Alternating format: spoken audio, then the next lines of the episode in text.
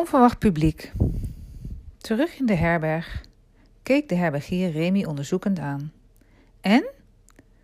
Hij is veroordeeld. Voor hoe lang? Twee maanden. En ook nog een boete? Ja, honderd frank. Twee maanden, honderd frank, herhaalde de herbergier. En wat denk jij in die twee maanden te gaan doen? Ik weet het niet, meneer. Zo, je weet het niet. Ik hoop wel dat je geld hebt om van te leven en je beesten te eten te kunnen geven. Nee, meneer. Je denkt toch niet dat je bij mij kunt blijven, hè? Oh, nee, meneer. Ik dacht nergens aan. Ik. Je meester is me al geld verschuldigd. Je zult hier weg moeten. Remy barstte in snikken uit. Hier weg? Maar ik kan nergens heen. Dat is mijn zaak niet, jongen. Ik ben je vader niet en ook niet je meester. Waarom zou ik je hier houden? Remy voelde zich als verdoofd. De herbergier had gelijk. Hij en de honden waren hem alleen maar tot last. Kom, haal je honden en die aap en dan opkrassen. De tas van je meester houd ik hier. Als hij vrijkomt, zal hij die vast willen ophalen en kan ik meteen met hem afrekenen. Maar dan kan ik toch best bij u blijven, probeerde Remy nog. Als mijn meester terugkomt, kan hij die twee maanden extra betalen. En ik eet niet veel, heus niet. Geen denken aan. Je meester zal in de gevangenis niks verdienen. Je moet weg. Maar hoe moet mijn meester me dan vinden als hij vrijkomt? Zorg ervoor dat je op die dag hier bent. Tot dan reis je gewoon rond. Er valt hier en daar vast wel wat te verdienen. En nu ophoepelen. Remy begreep dat verder aandringen geen zin had. Hij haalde de dieren op, pakte zijn boeltje bij elkaar en vertrok. Als er brieven komen, zal ik ze voor je bewaren, riep de herbergier hem nog na.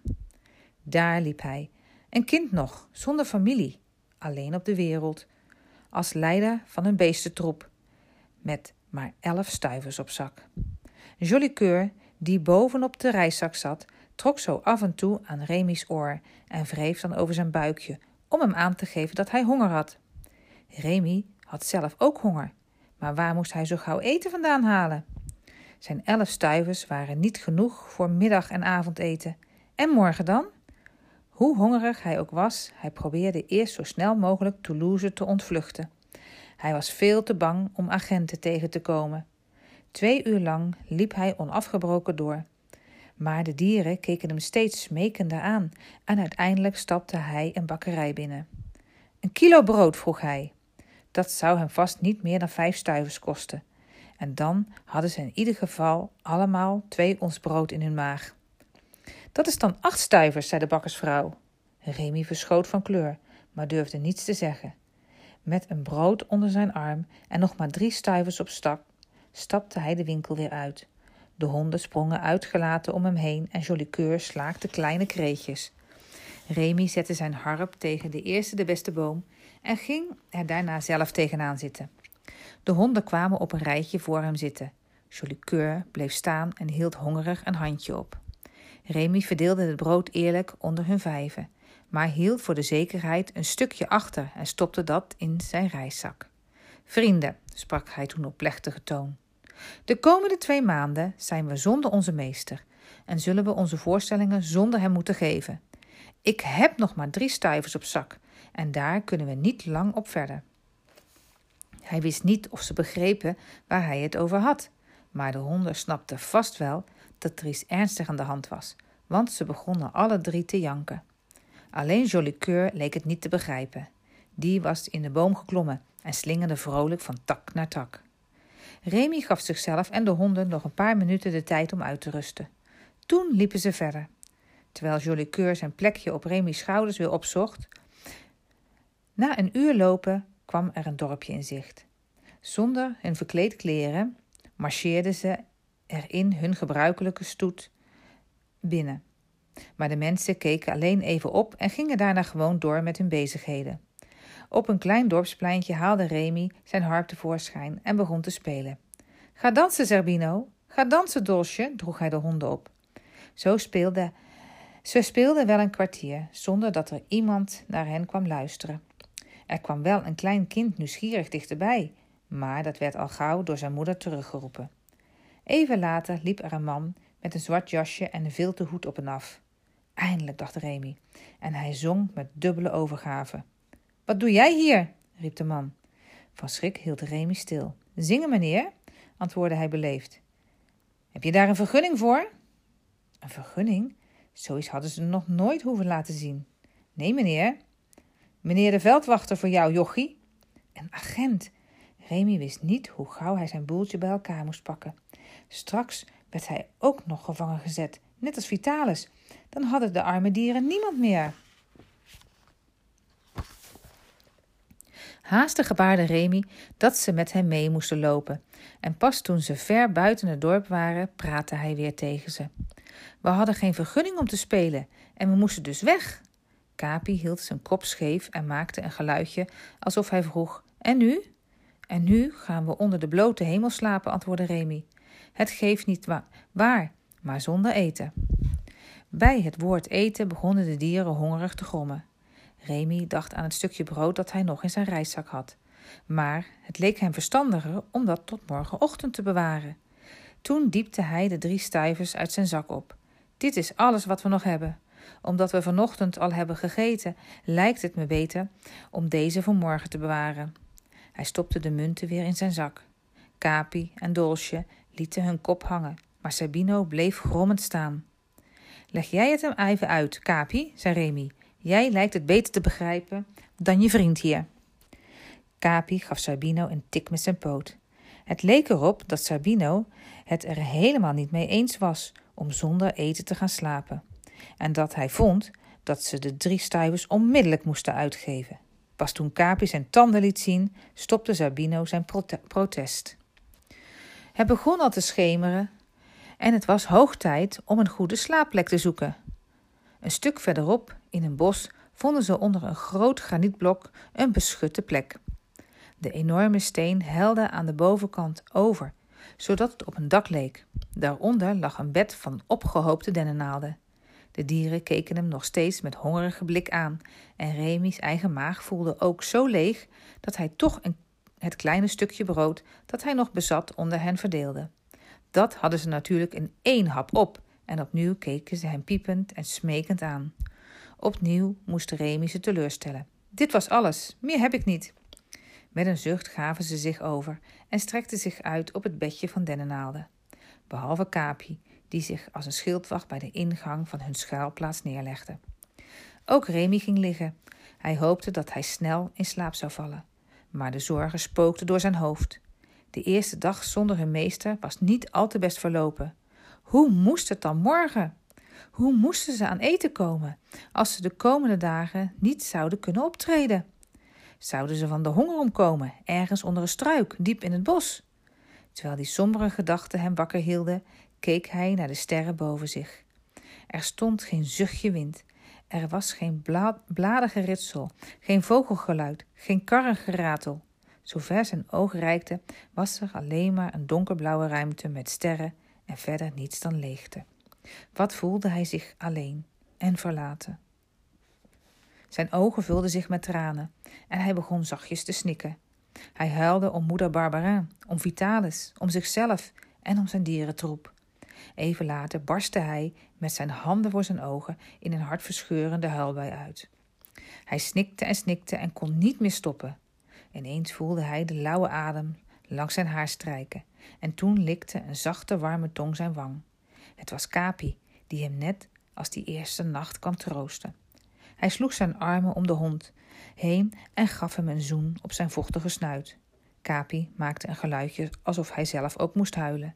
Even later vielen ze samen in slaap. Toen Remy wakker werd, stond de zon al hoog aan de hemel. Zijn dieren waren ook al wakker. Vogels floten in de bomen en heel in de verte luidde een kerkklok. Snel gingen ze op weg, want waar een klok luidde, was een dorp en waar een dorp was, moest ook een bakker zijn. De geur van vers gebakken brood kwam hun al van ver tegemoet. En voor ze het wisten, zat het stuk brood dat Remy voor drie stuivers kon kopen al in hun buik. Nu was het zaak om zo snel mogelijk weer geld in het centenbakje te krijgen. Remy's ogen zochten net naar een plek om een voorstelling te geven, toen hij achter zich gegil hoorde. Hij draaide zich om en zag Sabino met een stuk vlees in zijn bek weghollen, terwijl een vrouw achter hem aanrende. Houd de dief! Houd hem! riep ze. Kennelijk was Sabino een huis binnengeglipt om iets te eten te vinden. In een flits bedacht Remy dat de vrouw geld zou willen hebben voor het vlees. Geld dat hij niet had. Stel je voor dat ze hem in de gevangenis zouden gooien. Zonder verder na te denken zette hij het op een lopen. Kom, riep hij tegen de honden. Ze renden wel twee kilometer aan één stuk door. Remy hoorde de stemmen achter zich wegsterven. En toen ze eenmaal in het vrije veld waren, bleef hij staan en keek om. Niemand was hen gevolgd en Sabino droeg het stuk vlees niet meer in zijn bek. Dat had hij in de tussentijd blijkbaar snel opgeschrokt. Sabino, hier! riep Remy. Maar de zwarte schapendoes voelde ook wel aan dat hem straf boven het hoofd hing en rende weg. Serbino, hier! riep Remy weer. Sabino had dat vlees natuurlijk gestolen omdat hij honger had. Maar dat was geen excuus. Diefstal was diefstal. Als hij dit zomaar liet gaan, zouden de andere dieren dat slechte voorbeeld misschien volgen. En dan was het eind zoek. Capi, zoek Sabino, droeg Remy de poel op. Capi rende er blaffend vandoor. Nu pas zag Remy dat ze zich in een groen en fris gebied bevonden, vlak bij de oevers van een smal kanaal. Overal om hen heen zag hij bomen, gras, planten, bloemen. Even verderop was zelfs een kleine bron, waarvan het water tussen rotspleten doorstroomde. Remy snelde erheen, vouwde zijn handen tot een kommetje en begon gulzig te drinken. Ook Jolicoeur en Dolce haasten zich om hun dorst te lessen. Het duurde minstens een uur voordat Capi met een hangende kop terugkwam, in zijn eentje, met bloed aan een van zijn oren. Remy begreep meteen wat er was gebeurd. Ze hadden gevochten en Capi had verloren. Hij dacht na. Er was nu geen andere keus dan te wachten tot Sabino met de staart tussen de poten zou terugkeren. Nadat hij Jolly Keur aan zijn kettingje had vastgemaakt, strekte Remy zich uit in het frisse lentegroene gras. De twee honden gingen aan zijn voeten liggen, met de kop op hun voorpoten. Met een diepe zucht sloot Remy zijn ogen en viel ongemerkt in een diepe slaap. Toen hij wakker werd, stond de zon recht boven zijn hoofd en liet zijn maag merken dat het al veel te lang geleden was dat hij iets had gegeten. Ook de dieren maakten duidelijk dat ze honger hadden. De honden trokken een zielig gezicht. Julie Keur maakte grimassen. Nog altijd was er geen teken van Zerbino. Remy riep zijn naam en floot, maar Zerbino was en bleef weg. Wat nu? Als ze zouden vertrekken, vond Sabine hem misschien nooit meer terug. Als ze bleven, konden ze geen geld verdienen om aan eten te komen. Het was een afschuwelijke situatie. De honden keken Remy wanhopig aan en Jolicoeur wreef kreunend over zijn buik. Remy zuchtte. Sabino mocht dan een schurk zijn geweest. Hij hield ook veel van hem. En hij kon moeilijk over twee maanden bij Vitalis aankomen zonder Sabino. Wachten. Ze moesten gewoon wachten, honger of niet. Ineens dacht Remy aan wat Vitalis wel eens had verteld over soldaten die uitgeput van een lange mars hun honger moesten zien te vergeten. Ze speelden dan muziek en daardoor vergaten ze dat hun maag knorde. Remy pakte zijn harp, zette zijn dieren op hun plek en begon te spelen. Het was duidelijk dat de dieren liever een stuk brood kregen dan te moeten gaan dansen. Maar uiteindelijk kwamen ze toch in beweging. Gaandeweg deed er zelfs op dat ze er plezier in kregen. Ineens hoorden ze achter zich applaus en een heldere kinderstem die bravo riep. Met een ruk draaide Remy zich om. Hij had met zijn rug naar het kanaal gestaan en had de boot niet opgemerkt. Die was komen aanvaren. De twee paarden die de boot voorttrokken stonden aan de andere oever. Remy keek eens goed. Het was een wonderlijke boot met een glazen serre op het dek en voor die serre een veranda die met klimop was begroeid. Op de veranda zag Remy twee mensen: een dame op een stoel en een jongen op een bed. Zowel de dame als de jongen keken nieuwsgierig zijn kant op. Snel nam Remy zijn hoed af om hen te bedanken voor het applaus. De dame stond op. Speel je zomaar voor je plezier? vroeg ze. Ze had een buitenlands accent. Ik speel om onszelf wat afleiding te geven, antwoordde Remy eerlijk. Het kind zei iets en de dame kwam dichterbij. Mijn zoon vraagt of je nog iets voor ons wilt spelen. Remy's hart maakte een sprongetje. Ze hadden publiek. Dat was als een geschenk uit de hemel. Wat wilt u horen of zien? vroeg hij meteen. Dansmuziek of een komedie? Dansmuziek, antwoordde de dame. Maar de jongen wilde liever een komedie. Een dans is zo kort, protesteerde hij. Na de dans kunnen wij aan het hooggeëerde publiek nog meer kunsten vertonen, stelde Remy vlug voor. Hij had het woord komedie eigenlijk helemaal niet moeten noemen. Ten eerste was Zerbino er niet. Ten tweede hadden ze de kostuums niet bij zich. Remy zette zijn harp zet, zette op zijn harp een melodie in, waarop de honden op hun achterpoten begonnen te dansen. Daarna danste Jolly Coeur een solo en zo werkten ze hun hele repertoire af. Plotseling, midden in dit nummer, dook Sabino vanuit de struiken op en begon brutaal mee te dansen. Remy kon hem nu natuurlijk niet bestraffen en speelde door. Tussendoor keek hij naar de, jongens, de jongen op het bed, die zichtbaar plezier had in de voorstelling maar die gek genoeg onbewegelijk bleef liggen. Hij tilde alleen nu en dan zijn handen op om te klappen. Hij leek wel verlamd. De wind had de boot ongemerkt tegen de oever geduwd en Remy kon de jongen nu van dichtbij zien. Hij had blond haar en een bleke huid waar blauwe aderen doorheen schemerden. Hij zag er kwetsbaar en treurig uit. Hoeveel vraag je voor de voorstelling? vroeg de dame. Net zoveel als het plezier dat u eraan beleeft, antwoordde Remy. Dan moet het wel heel duur zijn, mama, zei de jongen. Hij voegde er nog een paar woorden in een vreemde taal aan toe. De dame keek glimlachend op. Arthur zou graag de acteurs van dichtbij willen zien. Remy gaf de honden een teken, waarna ze op de boot sprongen. Daarna ging Remy met Jolly Keur op zijn schouder aan boord, over een loopplank die de schipper intussen had uitgelegd. Een aap, riep de jongen blij en hij klapte in zijn handen. Remy zag nu dat het bed niet veel meer was dan een plank. Je hebt toch wel een vader, jongen? vroeg de dame. Jawel, mevrouw. Maar ik ben nu twee maanden alleen. Twee maanden? Och, arm kind.